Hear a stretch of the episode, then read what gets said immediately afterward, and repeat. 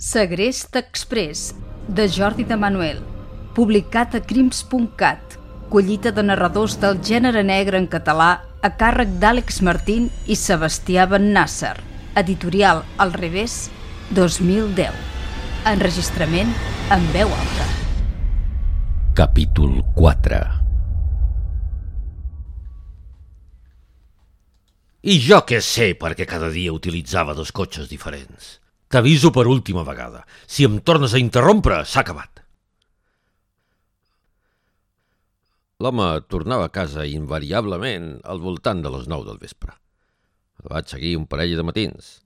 Anava fins a un edifici de Mercabarna, una mena de nau industrial, de la qual no sortia fins a dos quarts de tres.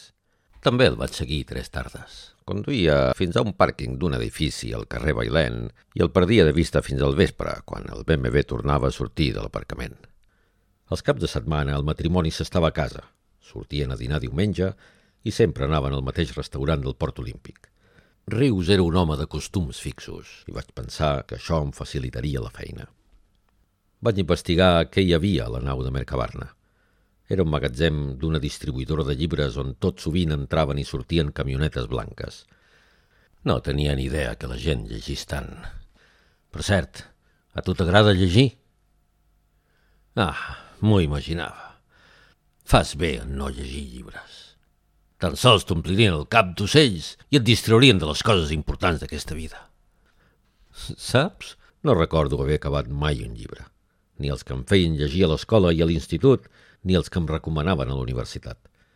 Recordo que vaig tenir una nòvia que no parava de llegir. Una noia força estranya amb qui aviat vaig partir peres. Què et deia? Ah, sí. També vaig intentar esbrinar què feia el senyor Rius a les tardes, però no vaig aconseguir saber què anava a fer aquell edifici del carrer Bailén. Potser eren les oficines de la distribuïdora de llibres.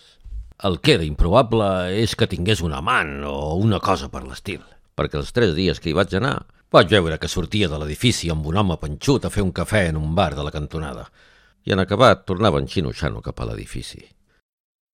Continuarà.